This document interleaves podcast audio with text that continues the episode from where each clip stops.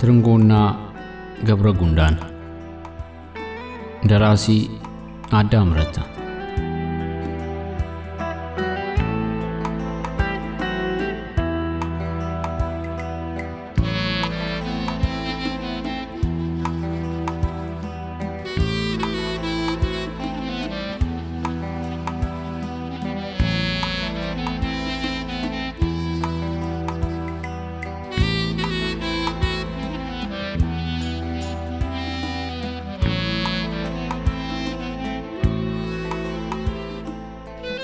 እንደዛ ቀን አጥንቴ ድረስ የሰለቸኝ ዕለት ትዝ ከንጋት እስከ ቀትር ቀኑ እንደ ቀንድ አውጣ ሲጎተቱ አለ። የግንቦት ግለት ዝናቡን ከየገደሉ ከየዛፉ ስር ከየቆሻሻው ከየጉድጓዱ ጎልጉሎ አውጥቶት በዚህ ሳቢያ ዝንብ ማባረሪያ የዛፍ ዝንጣፊ ይዞ የሚሄደው ሰው ብዛቱ። ሴቶች አናታቸው ላይ ነጠላ ጥለዋል። ቦት የሚለብሱ ድሆች ዛሬ ባዶ እግራቸውን ይተመጥማሉ። ጎማቸው ቢግልባቸው እንጨት ቆራጮቹ በየጥሻው ወድቀዋል። ከነመጋዛቸው ጸጥ ብለዋል። በተጨፈጨፈ የባህር ዛፍ ቅጠልና አጣና ሰበብ አካባቢው በሜንቶል ሽታ ታፍኗል።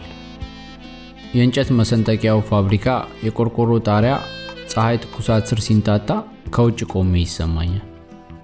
እግሮቼ የታሰሩባቸው ሸራ ጫማዎች ውስጥ በላብ ርሰው ይሙለጨለጫሉ።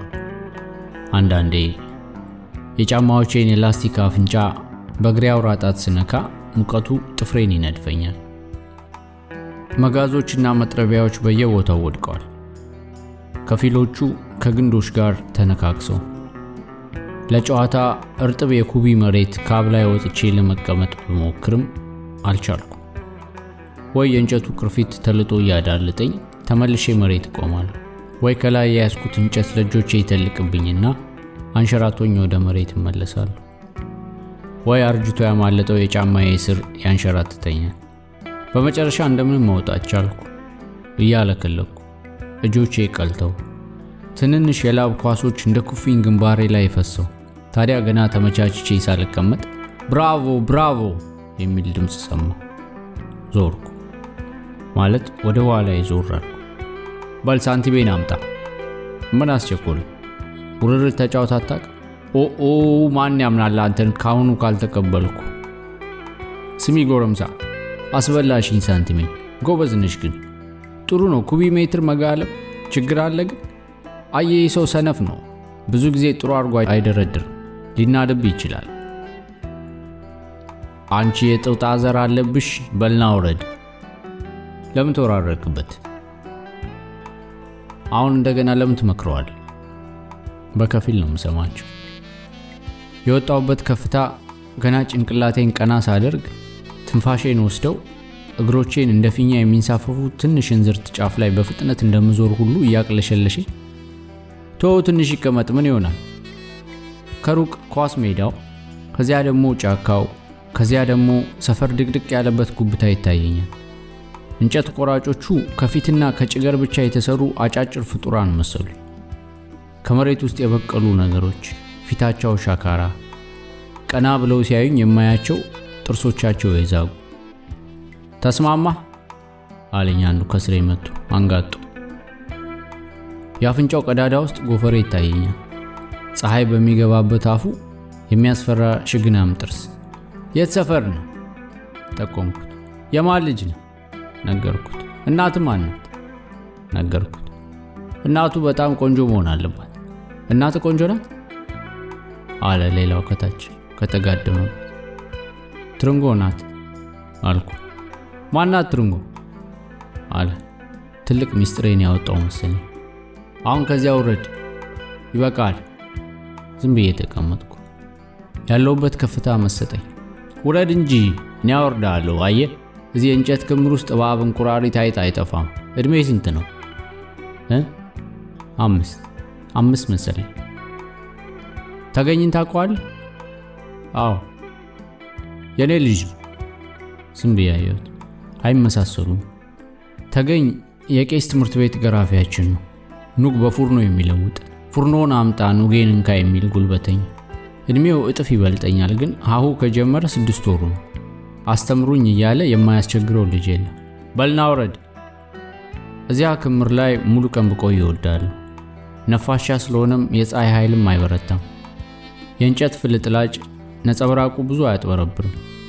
የተቀመጥኩበት ግንድ አይን እንደሚያበሳጨው መልከጥፉነቱ ለቂጥ አይከፋም። ሰውየው ፊቱን አዙሮ ከስሬ መጥቶ ቆመ። ትንሽ አወላወልኩ። ጭንቅላቱን ይዤ ትከሻው ላይ እሽኮኮ ወጣ። ጭንቅላቱ ደቃቅ እንጨቶች ሞልቶታል። ሰውየው ላብና የእንጨት ክትፎ ይሸታል። ጸጉሩ በጣም ይሻክራል። በተለይ ያስደነቀኝ ጸጉሩ ነው። በትከሻው ተቀብሎ መሬት እስኪያወርደኝ ለውስጥ እጄ ምን እንደሚሰማው ደጋግሜ ፈተሽኩ። ሰዎች እንዲህ ያለ ጸጉር ይኖራቸዋል ብዬ ገምቼ አላውቅም ነበር። ቢኖራቸውም የሚለውጡት ይመስለኛል። ልጅነቴ እስኪያልቅ ስራ ላይ እንጨት ፈላጮች የሚለብሱት ጸጉር ይሄ አይነት ሳይሆን አይቀርምል ነበር ለራሴ።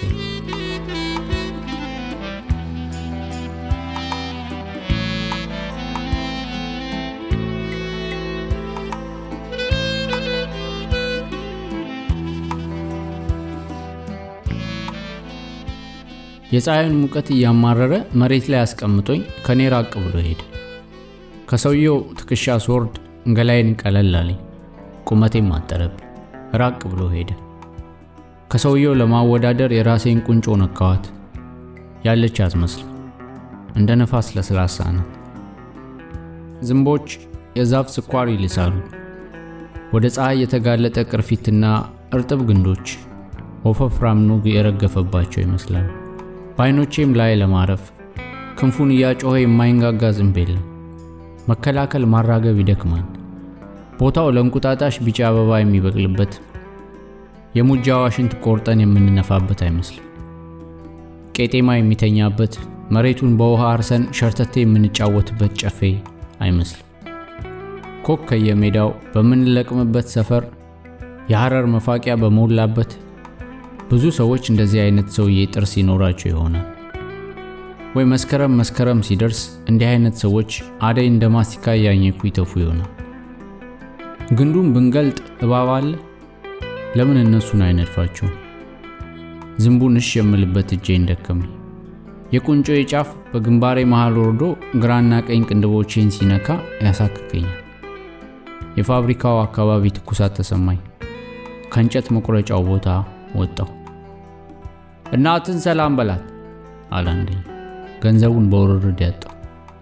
ዞር ብዬ አየሁት። ለምን እንዳለኝ አልገባኝም።